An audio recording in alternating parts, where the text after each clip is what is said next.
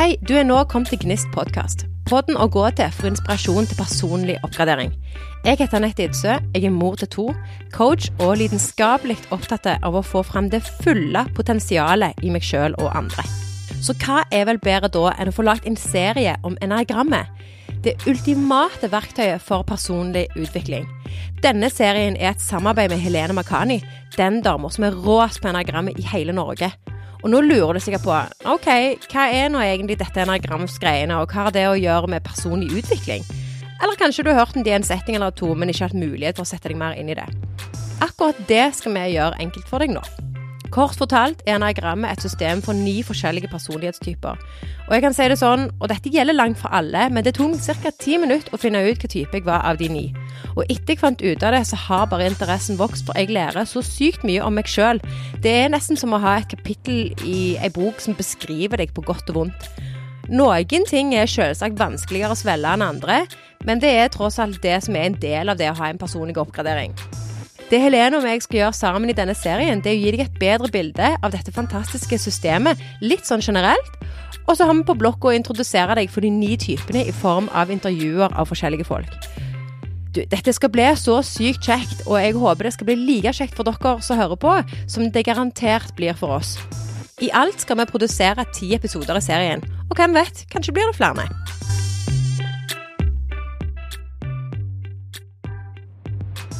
Mennesker av type 9, populært kalt fredselskere, de er opptatt av å skape harmoni rundt seg. De trives best i fred og ro, og de liker et rolig tempo og en god atmosfære. Hvis det blir uro eller konflikt rundt dem, så reagerer de med å prøve å gjenskape den gode stemningen. Og behovet deres for harmoni, det gjør òg at det er vanskelig for dem å si nei hvis noen andre ber dem om noe. Så istedenfor å si nei, så vil de ha en impuls for å si ja, men samtidig så vil de gjerne bestemme sjøl når de vil gjøre tingene. Så istedenfor å si nei, så kan man da oppleve at nieren bare skyver på det man har blitt enige om. Og det kan fort komme andre ting i veien som oppleves som like viktig som det nieren sa ja til. I det hele tatt så kan det være en utfordring for type 9 å prioritere hva som er viktig, og fordi de har en tendens til å gjøre seg sjøl og sine egne behov uviktige. Men dette er òg grunnen til de sterke sidene hos type 9, nemlig evnen til å forstå en sak fra alle sider. I en diskusjon så vil de forstå den ene, og så den andre, og så den tredje parten sitt synspunkt, og de vil til og med gjerne være den som mekler mellom partene. Dette er fordi at den nieren bevarer overblikket og ser hva som er felles for de ulike synspunktene. Akkurat det kan gjøre de til veldig gode meglere. Nieren kan òg være noen utrolige diplomater fordi de holder sin egen mening for seg sjøl. Det som er helt sikkert, er at vi trenger nieren i enhver sammenheng, fordi de bidrar så enormt til å skape den gode stemningen og helhetstenkning. Men la oss bli bedre kjent med Martha, som er ekspert på type 9. Men eh, Hjertelig velkommen, eh, Martha. Det var sinnssykt kjekt du kunne stille opp. Ja, takk skal du ha. Ja, velkommen. Mhm. Du er type 9. Og jeg tenkte om du kunne begynne med å fortelle litt sånn generelt om hvem du er, og også noe om, om uh, hvordan du opplever å være type 9. Jeg er 59 år. Jeg er skilt. Jeg har to voksne døtre, men jeg bor alene nå. bakgrunnen min ellers i, i, er at jeg jobber som rådgiver i et regnskapskontor i en kommune. Jeg er utdannet både vernepleier og revisor. I tillegg så har jeg eh, tatt utdanning i NLP, noe i anagrammer, en del medisinsk yoga og noe som heter akasha. Jeg liker å reise. Jeg har halve hjertet i Albania. Eh, kanskje vært litt rotløse. Jeg er nok introvert og trives godt i eget selskap og har stort behov for å være alene. Ellers er jeg glad i å være ute i naturen. Var det lett for deg å finne typen din? Nei, det var ikke lett. Fordi at uh, etter hvert som jeg leste menogrammet, så syns jeg at jeg passet inn egentlig i mange av typene og kunne kjenne meg igjen i mange av typene. Men etter hvert så, så lander jeg mer og mer i, i type 9.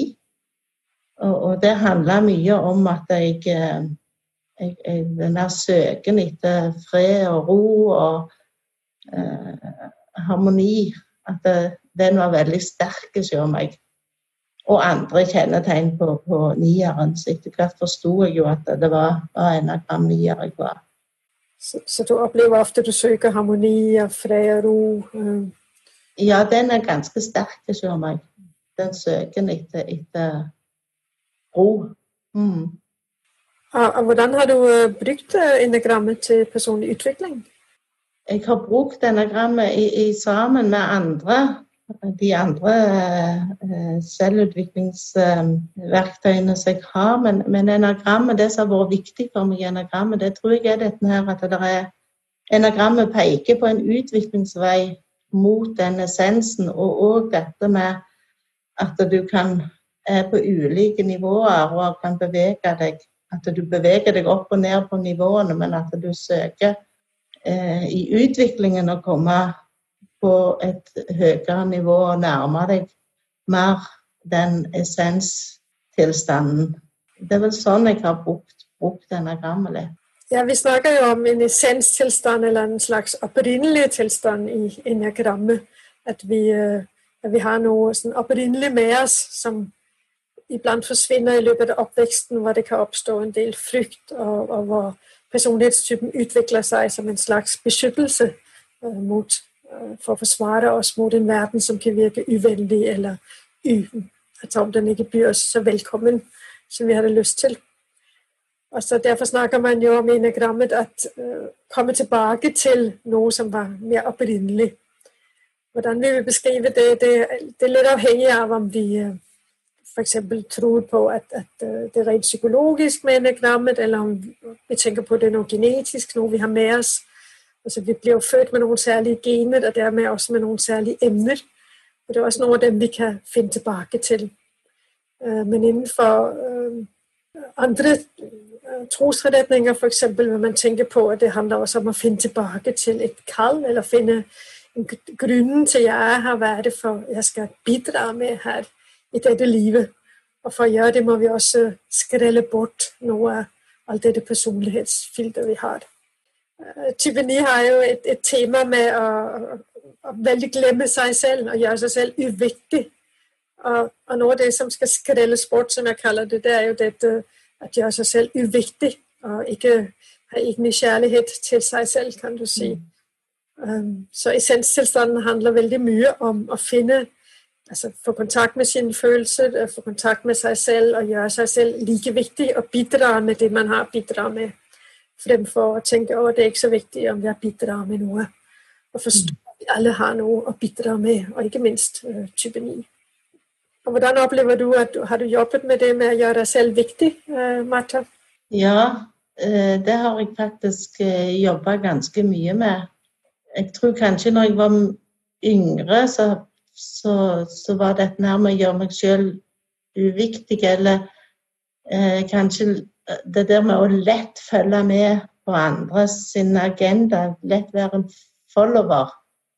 Men etter hvert så, så skjønte jeg jo at, eh, at, jeg hadde en egen agenda, og, og jeg skjønte òg at, eh, at det å ta, ikke ta ansvar for det, det var på en måte en, en ansvarsfraskrivelse, og, jeg var like viktig som de andre og har eh, like mye rett til å ta ansvar for meg selv og mitt eget velbefinnende som andre, på samme måte som andre har det òg. Eh, og det var en setning eh, altså det, det som er best for meg, er ofte best for de andre òg. Selvfølgelig så må du tenke økologi, eller tenke ikke bare egoistisk på det, men, men det er, jeg har funnet ut at det er faktisk sånn at hvis jeg eh, opererer etter det som er best for meg, så blir det ofte ganske greit for de andre òg. I plassen for å hele veien underkjenne mine egne behov. Men slik var det ikke tidligere? Nei, jeg tror nok at jeg som ung kanskje var mye lettere til å følge med. Men, men jeg har måttet lært noen lekser gjennom livet. Jeg har på en måte blitt tvungen til å, til å måtte stå litt opp for meg sjøl. Og i den prosessen så har jeg, har jeg, lært det. Veldig fint. Men fortell oss hvordan det var som ung. Altså, Hva var grunnen til at du fulgte med? Det var en måte å ha tilhørighet til andre på. Å være en del av, av de andre. Så var, det var bare en veldig lett en lett måte å være i lag på og, og bare følge med. Men hvordan øh, var livet når du bare fulgte med? Det var litt utilfredsstillende samtidig. Det var en enkel måte å være på, men samtidig så var det utilfredsstillende fordi at eh, jeg glemte kanskje litt meg sjøl oppi det. Kom du iblant i tanker om deg selv og ble liksom, uh, fikk kontakt med noe sinne, uh, f.eks.? Jeg vet ikke hvor langt tilbake jeg skal, skal gå, men jeg, eh, jeg, har jo fått hørt det at da jeg var liten, så var jeg enten sint eller smørblid. Så jeg har nok vært i kontakt med det sinnet.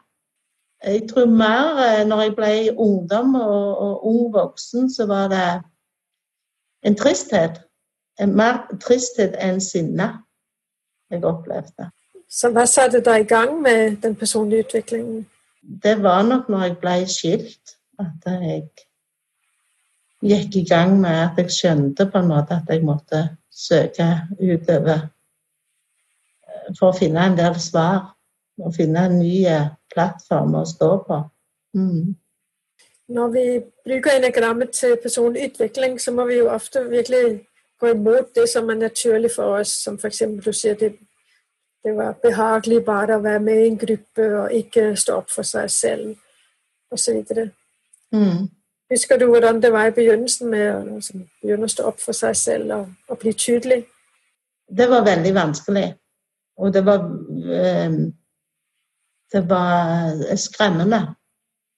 Eh, det krevde mye mot å gjøre det.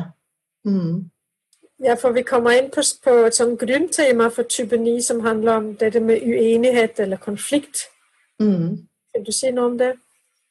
Eh, ja, jeg har eh, oppdaget at eh, jeg tror jeg setter merkelappen konflikt eh, veldig fort når det kanskje bare er en liten uenighet eller en uoverensstemmelse. Så i mitt hode så får det navnet konflikt. Eh, så det øver jeg meg litt på, å, sette andre merkelapper på det. At det er ikke så farlig. Dette er bare en, en uoverensstemmelse. Dette er bare en uenighet. Det er ikke en konflikt. Men hos meg blir det fort en konflikt at det heter konflikt, og da blir det fort litt farlig. Hva er det som er farlig med det? Jeg tror på en måte at jeg nesten mister meg sjøl i det. Når, uh, hvis jeg føler jeg står i en konflikt. Og det krever veldig mye av meg. Og, og, det er jo en øvelse og en utvikling å kunne lære seg til å stå i det. Og etter hvert så erfarer du jo at det, eh, dette går bra. Uh, og du utvikler òg en, en styrke i det.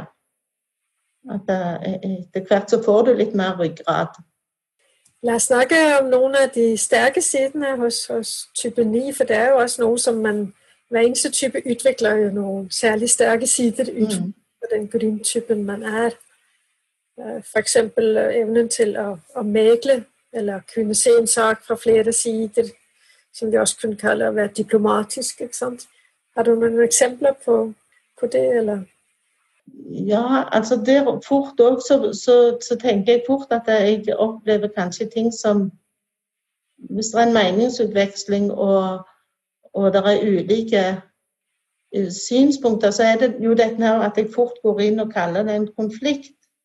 Men hvis jeg ikke gjør det og klarer på en måte å, å se at det her eh, dreier seg om en uenighet, så ja, jeg syns det er veldig lett egentlig å se saken ifra ulike synspunkter.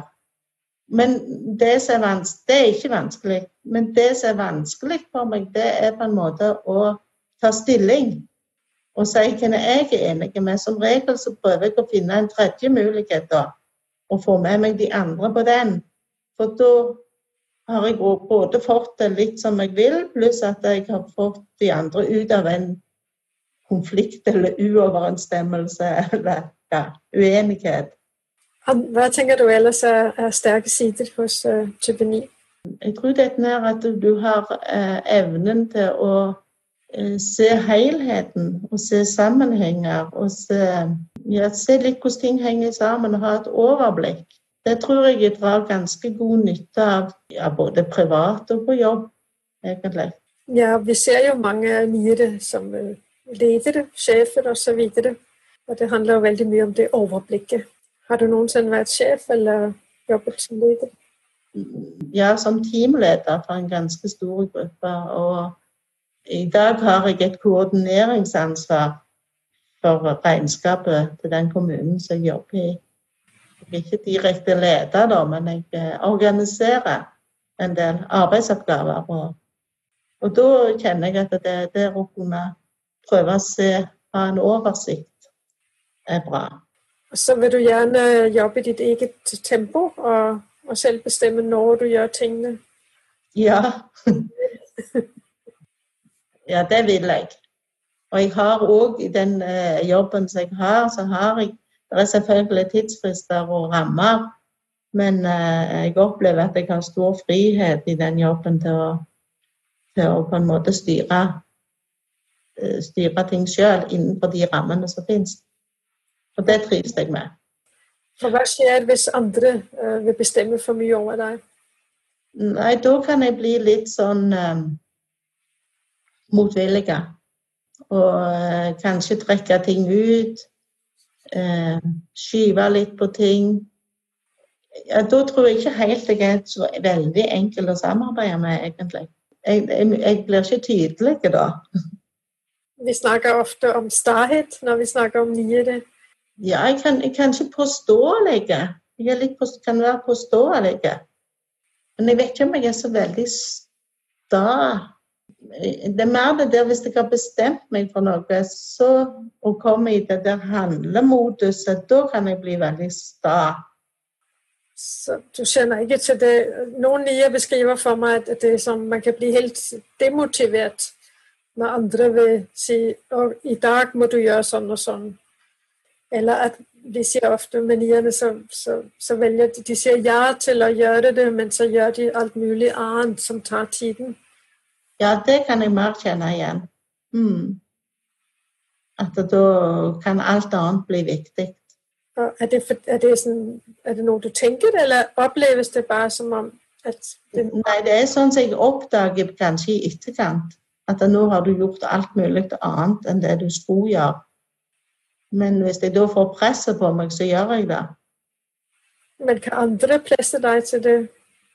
Jeg tror kanskje mer det er en sånn indre press som kommer da. Fordi jeg vet jeg skal jo gjøre det. Ikke sant? Mm. på et eller annet tidspunkt. ja. For mange som bor sammen med nier, det sier jo det er vanskelig å, å presse nieren til noe. Jeg vil nok helst bestemme sjøl når. Mm. Og hvordan. Så på den måten er nieren jo temmelig sterk, kan man si. Nier er også reflektive, kaller vi det. ikke sant? Du liker å ta din tid, du rolig, eller snakker i hvert fall rolig tempo. Jeg vet ikke om det alltid er rolig inni deg, selv om du virker rolig utad. Nei, absolutt ikke. Eh, og ofte hvis jeg blir stille, så er det iallfall ikke rolig innvendig.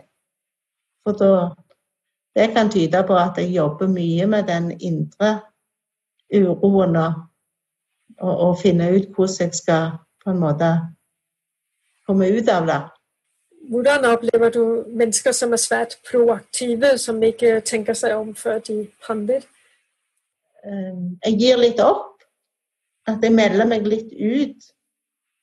Eh, jeg kan merke det av og til på, på jobb, hvis jeg er i møter der det blir snakket veldig fort eller mye, eller eh, da, begynner jeg fort å lese mailer og tegne kruseduller og Eller trekker meg litt inn i min egen verden. Melder meg, melder meg rett og slett litt ut. Samtidig så, så kan jeg òg oppleve at det er folk som er proaktive og øh, litt fornøyelig å følge etter de òg. Inntil en viss grense så, så, så, kan det både være eh, litt gøy, rett og slett. Det er bare inntil en viss grense, for så trekker jeg meg gjerne litt unna. Hva er grunnen til du gjør det? Det blir for uh, mye, rett og slett. Det går over i en uro. Det, det, vekker på en måte kanskje en uro i meg, sånn at det, som gjør at jeg må tilbake. Så å finne på en måte den der roen igjen. Da lurer jeg litt på, Marta, Om det noen gang har eh, Det at du er nier, har det noensinne brakt deg i ekstreme eller morsomme situasjoner? Eh, hvis jeg blir provosert lenge nok, eller hvis jeg har på en måte strukket meg veldig langt, så har jeg en eh, tendens til å kunne eksplodere litt. og, og, det er ofte over veldig små, små ting egentlig som utløser det. Men det har jo endt i noen situasjoner som iallfall jeg syns er litt morsomme i etterkant. For det, det, går jo fort over om meg. Det er blåst av meg med en gang etterpå. Men eh, jeg har en historie. Det var her hjemme det var rett før jul, og jeg var sikkert trøtt og sliten med å, å skulle organisere alt dette her og ordne til. Og et av de siste tingene var at jeg skulle få juletreet på plass. Og så hadde jeg eh, kjøpt en sånn juletrefot med tre skruer. Og lå på gulvet under juletreet og prøvde å skru dette fast. Og det fikk jeg ikke til. Det liksom vingla fra ene sida til den andre. Og til slutt så bare reiste jeg meg fort opp. og Jeg vikla meg inn i juleglitteret. Og jeg tok juletreet og slengte det inn i veggen, så juletrekulene knuste. og da, det jeg ikke visste, det var at datteren min hun var på, øh, på et annet rom, og hun hadde skrevet på Facebook ja, nå mista jeg julestemningen, for mor mi heiv juletreet i veggen. Og så en stund etterpå så hadde hun skrevet at nei, nå er julefreden tilbake, altså mor har roa seg. Nydelig. Jeg fikk mange løgne bilder i hodet der. Ja, ikke sant? Men jeg har nok en tendens til å kunne eksplodere litt. Jeg sier at alle skulle hatt en liten bunke med tallerkener så de kan få lov å knuse i sånne sammenhenger. Ikke sikkert det. Det rimer så mye med nieren, men Det er gjerne det alle ønsker seg til jul. Ja, kanskje. Kanskje jeg skulle ønske meg det. kanskje det. Ta de billigste. Ja. Ja, fine det er jo ikke alt eh, vi liker med oss sjøl eller eh, mønstrene i typene. Og så Da lurer jeg litt på om du kunne sagt noe som har vært eh, ekstra vanskelig å akseptere med fredselskeren eller type 9? Eh, ja, det første så jeg syns på en måte når jeg begynte å jobbe med enagrammet, og at jeg skulle være type 9, det var dette her med at type 9 er doven og lat. Og det likte jeg veldig dårlig jeg, jeg, så ikke på meg sjøl som eh, doven og lat, for jeg syns jeg jobba og sto på. Og, men jeg skjønner jo etter hvert at den dovenskapen og latskapen går jo litt på at du er litt doven i forhold til deg sjøl og din egen agenda. Uh, dette her med at uh, du glemmer deg sjøl litt. Eh, men samtidig så har jeg òg måttet innse at jeg òg eh, går litt for eh, komfort og ha det behagelig. Og har på en måte måttet anerkjenne den sida hos meg sjøl, da. Type 9 ligger jo mellom type 8 og type 1. Dvs. Si en person av type 9 kan være mer eller mindre påvirket av en eller begge av de naboene. Og det kan gjøre faktisk en stor forskjell om man er mest påvirket av type 8 8 eller type 1. Hva, hva kjenner du selv av de naboene? Vi har åtteren som er utfordreren, og vi har eneren som er perfeksjonisten som naboer. Eh, jeg kjenner nok til begge de vingene. Type 1 kjenner jeg jo til kanskje enda mer tidligere. At, det, at jeg opplevde meg selv som at jeg var feil, og at jeg var, og kanskje ennå er redd for å gjøre feil. Og eneren da er òg at når jeg har sansen for dette med ordning og redan, og har, har system i, i sakene, og, og bruker òg dette nærmere å skrive lister og, og sånn for å organisere meg sjøl. Men jeg tror kanskje den åttervingen etter hvert har vokst seg sterkere hos meg. Det går jo på Jeg tror jeg kan være ganske direkte Kanskje òg litt dette med det bråsinnet. Jeg vet ikke om det er åtterving, eller om det er eh, nieren. Dette med urettferdighet kan være veldig viktig. Jeg kan bli veldig provosert hvis, hvis jeg opplever urettferdighet. Ja, men kanskje det mest det med åtteren som jeg kjenner igjen, det er dette med den sårbarheten. At uh, jeg er litt lite villig til å vise uh, den sårbare sida av meg sjøl. Og jeg har òg måttet innse at jeg er ikke så åpen for andre sin sårbarhet heller. At uh, jeg har noe å jobbe med der. Eh, med å òg møte andre sin sårbarhet. Og jeg tenker at eh, når du ikke I den grad du ikke møter din egen sårbarhet, så vil du òg ha et problem med å møte andre sin sårbarhet. Men den kjenner jeg igjen i åtteren.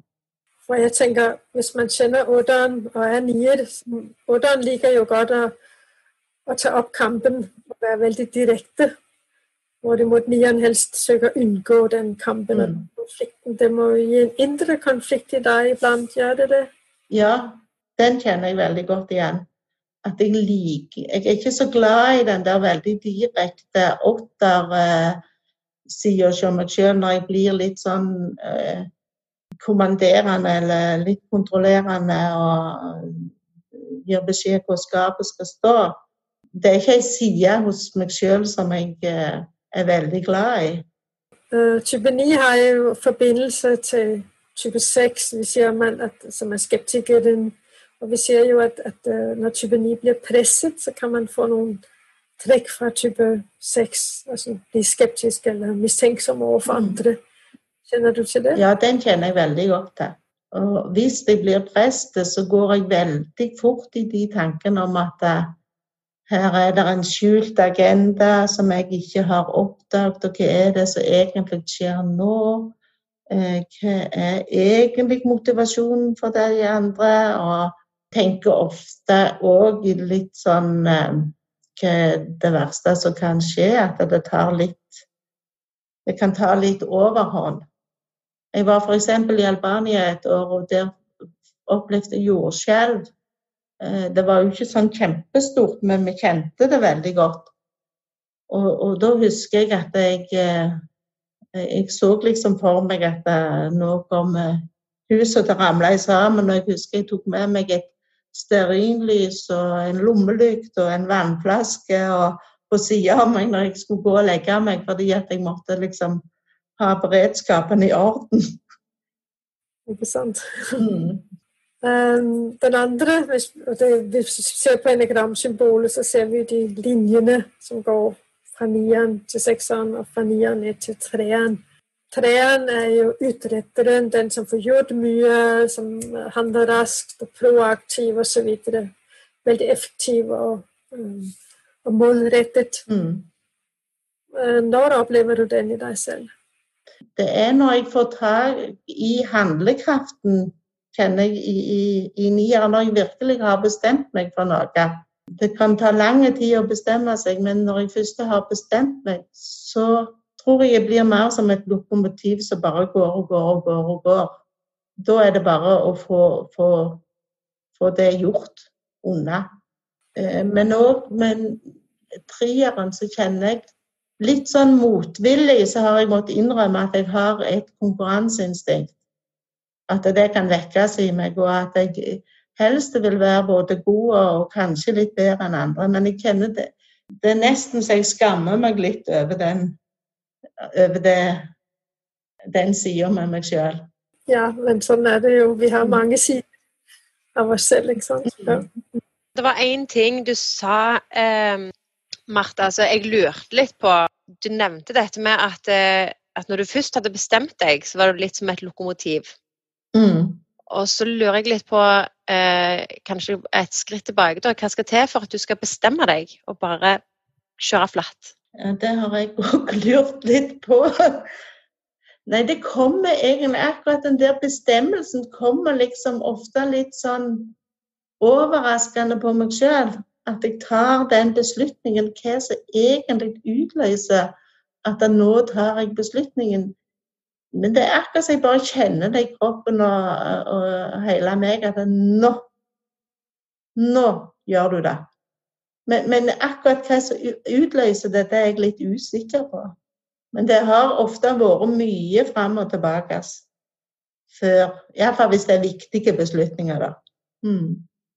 ville vært interessant, bare, jeg, bare, ble, ble bare litt, litt nysgjerrig, altså. Um, ja. Hva på en måte som kan fremkalle det, eller hva det liksom så til syvende og sist uh, Du kommer til det nok er nok. Men det er ikke sikkert du har noen eksempler eller noe du har lyst til å dele på det? Nei, jeg kan Jeg har eh, Jeg står i en situasjon nå der jeg skal flytte, og det har jeg jo sikkert snakket om i mange, mange år. At eh, jeg har tenkt på det.